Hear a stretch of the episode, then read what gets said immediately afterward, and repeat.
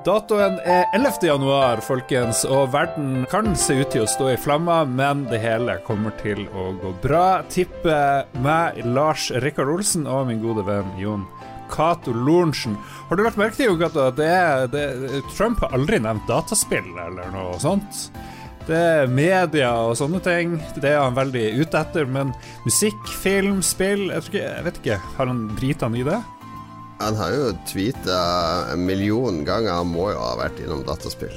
Jo da, han har tweeta om det. Bare i 2019 så ville han jo forby voldelige dataspill etter en, eh, en masseskyting. Å oh, ja. ja. Ok, drit i den kjipe politiske tilstanden i verden. Vi skal snakke om noe mye bedre. Alt det viktige som skjedde i dataspillenes verden i forrige uke. 14.1 så kommer spillet Sunlight fra din tidligere arbeidsgiver Krillbite, Jon Cato, og nyheten kom i en trailer i forrige uke. Og jeg lurer jo først på hvordan det er å se og, og oppleve at nå kommer det et spill som du har vært med på å lage, men som ikke du får være med å gi ut. Jeg sover kanskje litt bedre i og med at jeg ikke har ansvaret for utgivelsen, for det er noen andre som har, og det er alltid mye en million ting du skal gjøre når du skal lansere et spill, og du er nervøs for ting og tang og mottakelse og det tekniske, og at alt er som det skal, og kunne man gjort noe annerledes og nådd flere, osv. Så, videre. så det er litt deilig å ikke ha det ansvaret, men så er det også litt savn å ikke være i det rushet som det også er å gi ut. Hva handler spillet om? Det kan jeg jo spørre deg om like godt. Trenger ikke gjøre research. Filosofisk skogstur, rett og slett. Eh, du skal gå i skogen, og så prate trærne til deg, og så er det en, eh, en, meditativ opplevelse, vil jeg si. Et hippiespill. Du skal gå ut og snakke med trær. Kan du, kan du hugge Kan du hugge trees? Kan du gi dem en klem? Ja, det er kanskje en spoiler, så vi får spare det. ok. Uh, hvorfor er det så kort tid mellom uh, annonsering av spillet og launch? Jeg vet ikke, Var du med på den avgjørelsen? Det er ikke alle spill som trenger sånn ett år med hype før du lanserer de, for å si det sånn. Dette er et lite meditativt spill du kan spille gjennom på en halvtime. Så jeg vet ikke, det passer vel egentlig ganske bra å komme med noe meditativt nå som uh, kaoset er komplett med, med, Trump og overgang i USA, og folk er nervøse for ditt og datt. Så kanskje er det akkurat sånn type spill man trenger nå.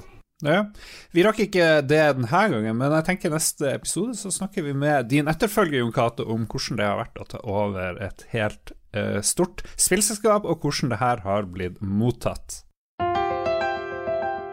Entertainment Retailers Association i Storbritannia har oppsummert hvor mye briter brukte på musikk, TV, film og dataspill i 2020. Spill er den store vinneren med en omsetning på over 45 milliarder kroner, og til sammenligning så brukte britene rundt 35 eh, milliarder, 10 eh, milliarder mindre altså, på film eh, og TV-tjenester, mens de brukte 18 milliarder kroner på musikk. Og eh, spill ser jo ut til å være det største underholdningsmediet i Storbritannia, og eh, det er vel det samme mange andre steder, ser vi. Og det, jeg blir jo overraska hver gang jeg hører det, egentlig. Det, det, det, virker ikke sånn når vi snakker om TV og film og musikk og sånn. Det får jo mye mer oppmerksomhet i media. Ja, det gjør det. Jeg har merka nå, for jeg abonnerer jo på på noen aviser, inkludert din avis, faktisk. Ja, det er ikke så mye musikk og film, med mindre det er noe lokal revy eller noe sånt. I Harstad. Eh, ja, din avis og alle andre aviser har jo slitt med Det er mye mindre musikkdekning nå, fordi det er mye mindre konserter. Mm. Eh, det er jo så å si ikke konserter, så da er det jo ikke så mye å skrive om. Men de skriver mye mindre om plateutgivelser og sånn enn de gjorde før, som kanskje reflekterer at streaming og sånn har, har, vanskeliggjort den tradisjonelle journalistikken der.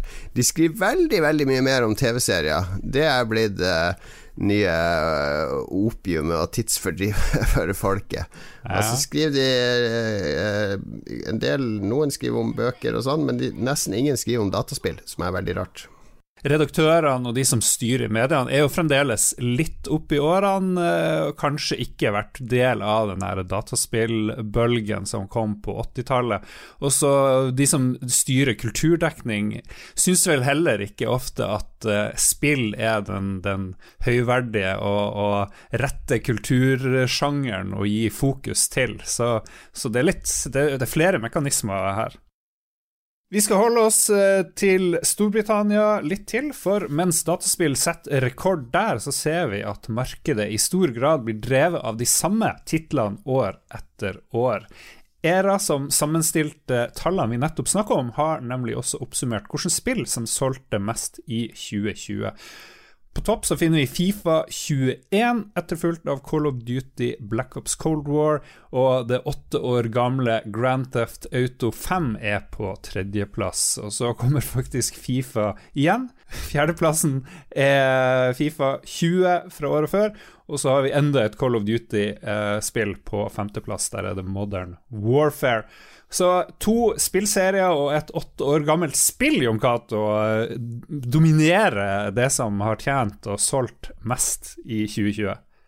Altså Sånn spillkulturmessig så er det jo litt begredelig, men det her er jo masse markedsserier. Men jeg, jeg savner litt det der uh, Sånn som vi ser på Netflix, at den derre sjakkserien uh, Queens mm. Gambit er liksom den mest sette noensinne. At det jeg savner litt mer sånn uh, diverse utvalg spill på topp. Det er jo litt trist at uh, det er to Fifa-spill og to Call of Duty-spill blant de fem mest solgte spillene. Ja, og sånn har det jo vært så lenge jeg kan huske. Så har uh, Electronic Arts bestandig ligget veldig høyt oppe med et eller annet, enten det er fotballspill, og en stund så hadde de jo Harry Potter, og de kom jo mm. år etter år etter år etter år. Det, ja, det er disse årlige titlene som, som, dominerer Fifa og Call of Duty. Og så er det jo GTA som er det odde ut, som fortsetter å selge og selge og selge pga. den online-modusen som er veldig populær blant unge. Ja, men det er kanskje, kanskje TV-seriene som skiller seg ut. For jeg tipper hvis du ser på boksalg, og hvis du ser på film, så er det Marvel Avengers, og så er det Jo Nesbø. Det, er ikke, det er ikke bare i spillverden at det her foregår. Nei da, kino er jo superkommersiell eh, markedssted. I hvert fall var det det når kinoene fortsatt var åpne.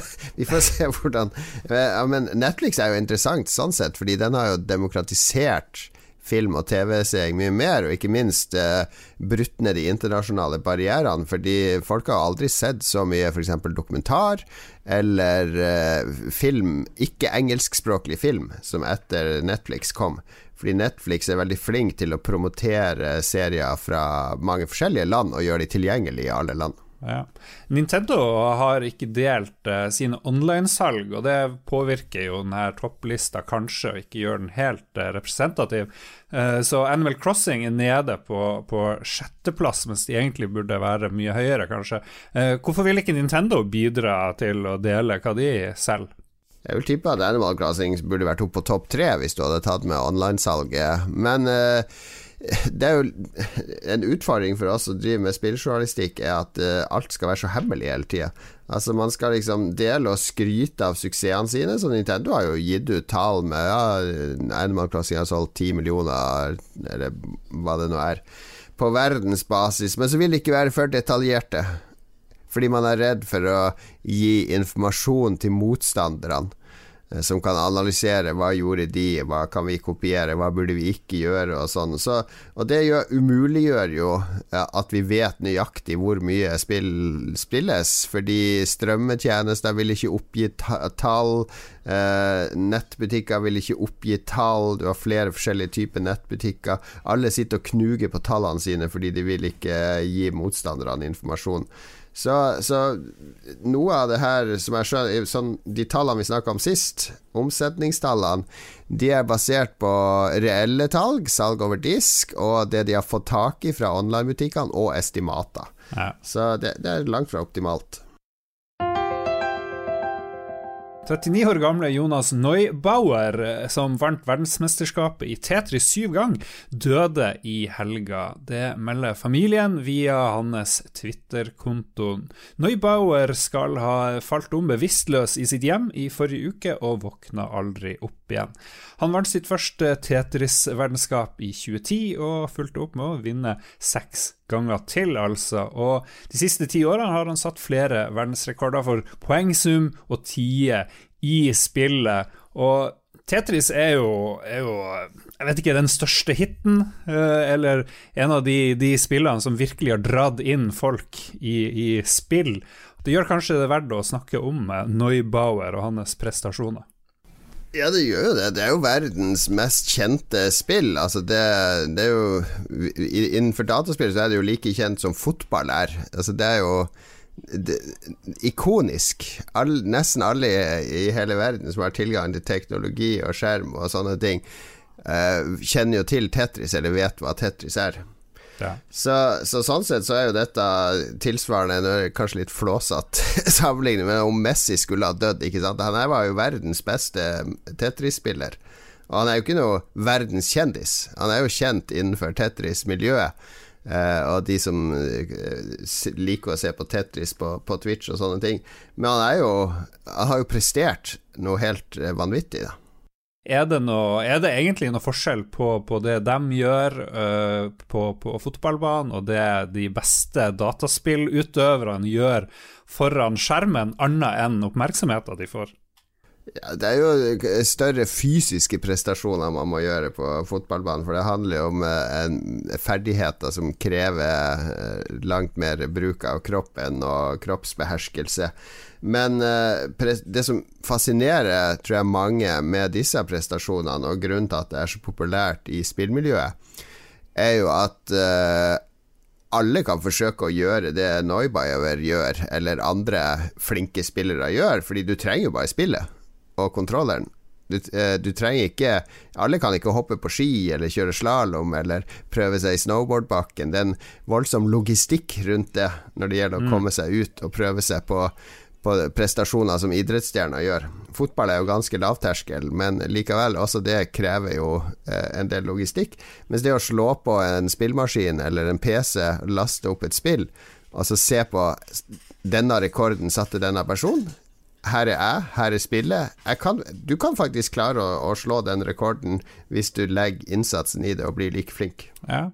Jeg ser litt uh, paralleller til uh, sjakk her, f.eks. Uh, sjakk er jo, kan spilles på data, akkurat som Tetris. Uh, veldig mange likheter der, men du kan også spille det fysisk. Og det er kanskje det som skiller litt det her med å, å, slå igjennom. Hvis du kunne spille Tetris rent fysisk, og at folk kunne kanskje relatere litt mer til det på den måten, så kunne det kanskje vært like stort som Magnus Carlsen sine prestasjoner. Sjakk har jo vokst vokst utrolig mye på, på veldig kort tid, eh, også gjennom Twitch og, og, og online-streaming og sånne ting. Så jeg ser noen paralleller, paralleller der, faktisk. Og apropos sjakk, eh, Jon Cato, så, så eh, lurer jeg på Kommer vi til å få en sånn her Queens Gambit-aktig film om Tetris? Jeg drev og lekte med tanken. Det kunne jo være den der dataspillseriesuksessen du etterlyste for ikke så lenge siden.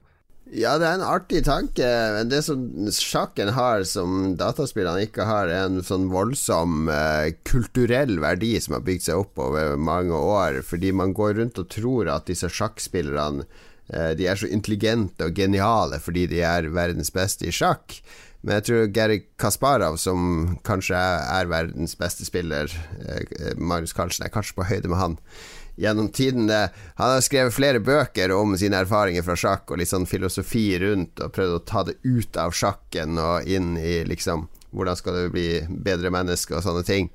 Jeg tror han skrev en gang at uh, litt om det her med at sjakkspillere blir sett på som intelligent, men hans erfaring var at sjakkspillere var stort sett aldri flinke til noe annet enn å spille sjakk.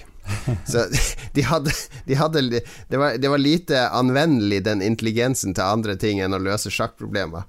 Mm. Uh, men det var en li, liten avsporing. Jeg tror, hvis det, skal, hvis det kommer noen sånne eh, serier om dataspill og sånn, så handler det om barn, tenåringer, uh, gutteromsdrømmen, for å bruke det litt utdaterte uttrykket. Altså det henger fortsatt igjen at det er en barne- ungdomsaktivitet. Jeg tror ikke vi får se noe på det nivået som Queens Gambit er.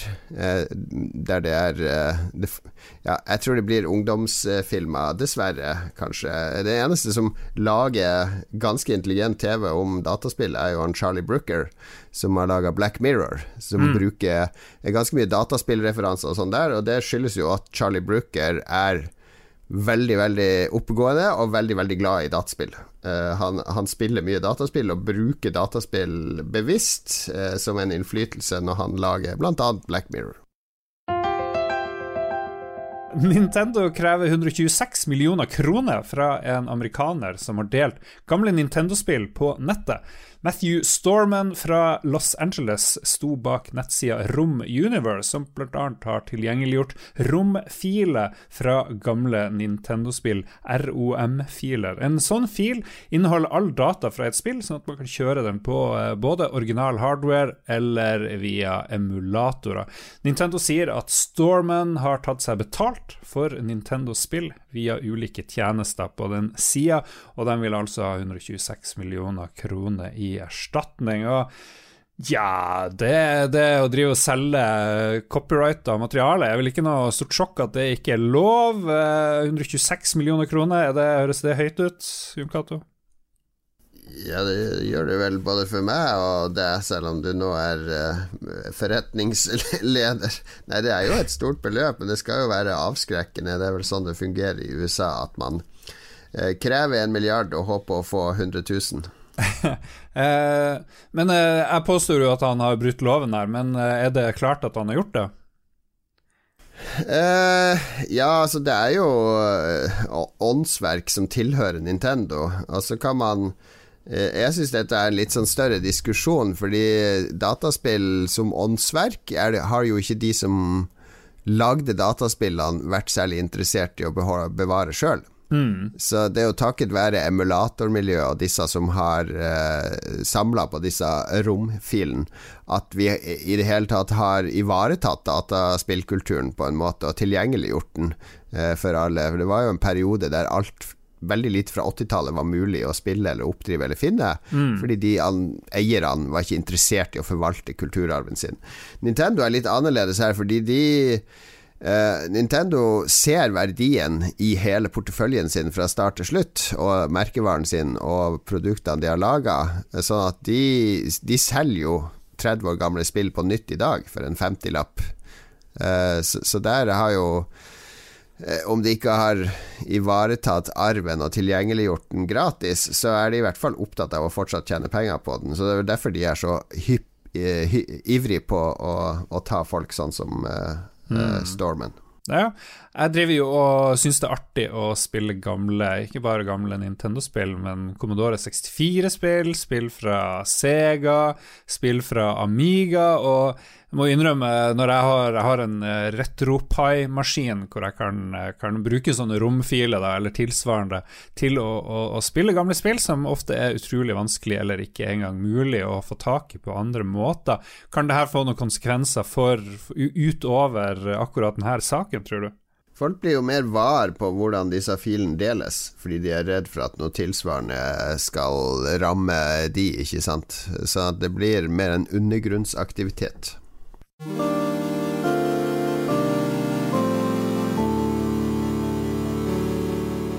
Siste nyhet i dag er at Microsoft-eide Mojang, som står bak Minecraft, har beslutta å legge ned mobilspillet Minecraft Earth. Spillet ble lansert først som en Pokémon Go-utfordrer i 2019, og benytte seg av augmented reality, som kombinerer vår virkelige verden med Minecraft-universet. I bloggposten på minecraft.net så legger de delvis skylda på covid-19-pandemien, og skriver at spillet var basert på fri bevegelse og samarbeid, noe som jo har blitt ganske vanskelig i dagens verden. Minecraft Earth skal være spillbart frem til juni i år, og så skal serverne legges ned. Jeg har fått med meg at du er litt sånn skeptisk til om det her virkelig kan skyldes eh, covid-19. Det er jo uh, Covid-19 har jo blitt litt sånn handy å skylde på eh, for, for, mye. Eh, og at leveranser ikke er klare, at uh, det er for få maskiner, at uh, transport ikke fungerer. At uh, steder må legges ned. Så at det er vel kanskje bare jeg som har blitt blasert fordi så mange skylder på det hele tida. Ja, jo, nei, jeg vet jo Pokémon Go har jo klart å ordne det her ganske greit. Ja, Pokémon Go er jo ikke lagt ned pga. covid-19, så jeg tror nok heller det er en hendig unnskyldning akkurat i dette tilfellet. Fordi jeg må innrømme at jeg prøvde Minecraft Earth da det starta. Det var artig å se disse Minecraft-verdenene i den virkelige verden, så jeg har aldri starta det igjen. Og det tror jeg, jeg, tror, jeg tror de slet med å nå den kritiske massen de må, sånn som Pokémon klarte. Eh, spillet inneholder mikrotransaksjoner, og du kan kjøpe pyntegjenstander og byggeklosser for ekte penger. Et interessant spørsmål er jo hva har skjedd med alle de som har investert eh, sikkert ganske mye penger i det her, når tjenesten legger ned? Det er en veldig viktig diskusjon som vi egentlig burde kontakte litt mer kyndige folk for å snakke om. Fordi dette er et spill som er en tjeneste som vil at du skal investere penger i å bygge opp din profil og bygge opp eh, eh, Hva skal jeg si Altså, du, du, bruker jo penger på utseendet ditt og hva du kan lage og skape. Dine egne skaperverk, på en måte.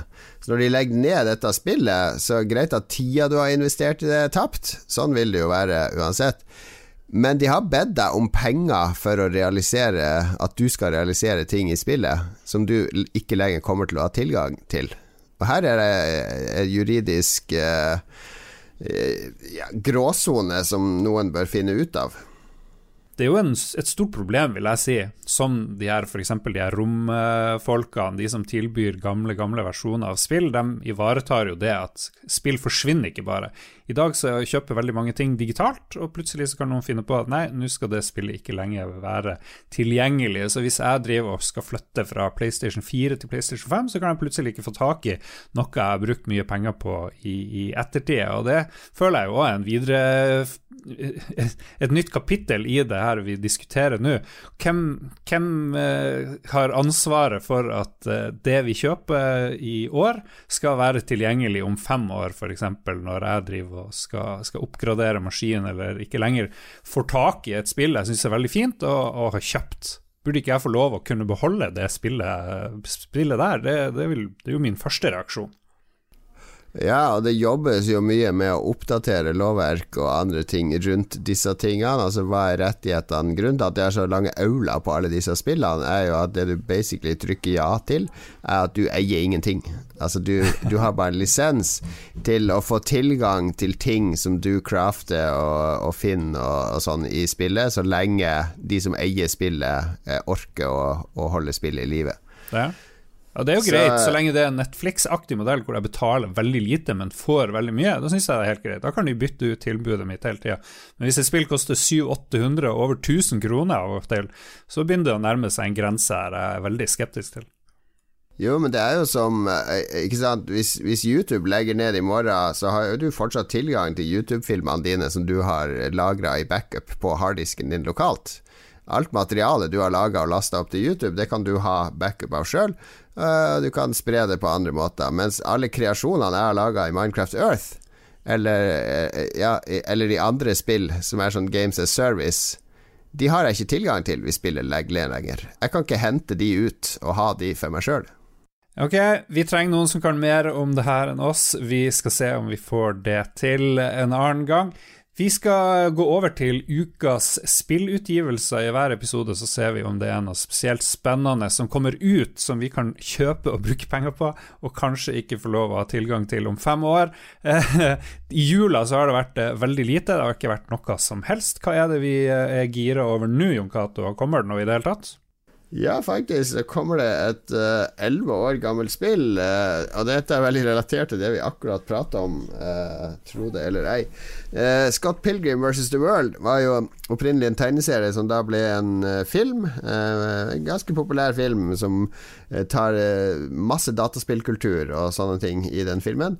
Gjorde det stort i 2010 da den kom, og ble akkompagnert av et litt sånn retroaktig spill fra Ubisoft som ble lansert samtidig på Xbox og PlayStation og flere andre steder, helt til det over natta forsvant fra alle nettbutikker i 2014. Plutselig var det ikke mulig å få tak i spillet lenger. Eh, og her mm. kom den problematikken med at når du oppgraderte eh, til nye Xbox eller andre ting, så var ikke spillet tilgjengelig lenger.